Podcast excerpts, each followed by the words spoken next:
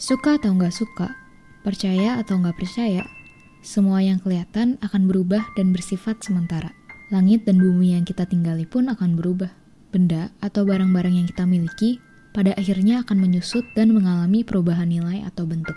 Bahkan, orang-orang yang bersama kita, yang kita lihat setiap waktu, juga selamanya tidak bisa bersama-sama dengan kita. 2 Korintus 4 ayat 18 juga udah berkata kepada kita, Sebab kami tidak memperhatikan yang kelihatan, melainkan yang tak kelihatan.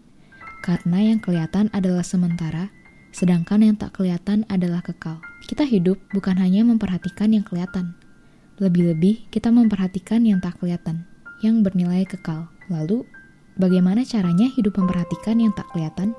2 Korintus 5 ayat 7 berkata, Sebab hidup kami ini adalah hidup karena percaya, bukan karena melihat. Ya, kita hidup karena percaya, hidup karena iman. Iman adalah dasar dari segala sesuatu yang diharapkan dan bukti dari segala sesuatu yang tidak dilihat.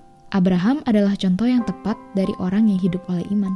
Imannya tidak menjadi lemah, walaupun ia mengetahui bahwa tubuhnya sudah sangat lemah, karena usianya telah kira-kira 100 tahun, dan bahwa rahim Sarah telah tertutup. Tetapi terhadap janji Allah, ia tidak bimbang karena ketidakpercayaan.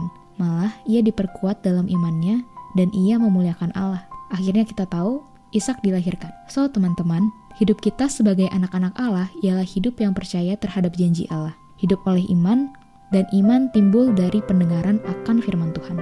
Sudahkah kamu membaca firman Tuhan? Yuk kita baca firman-Nya agar kita beroleh iman.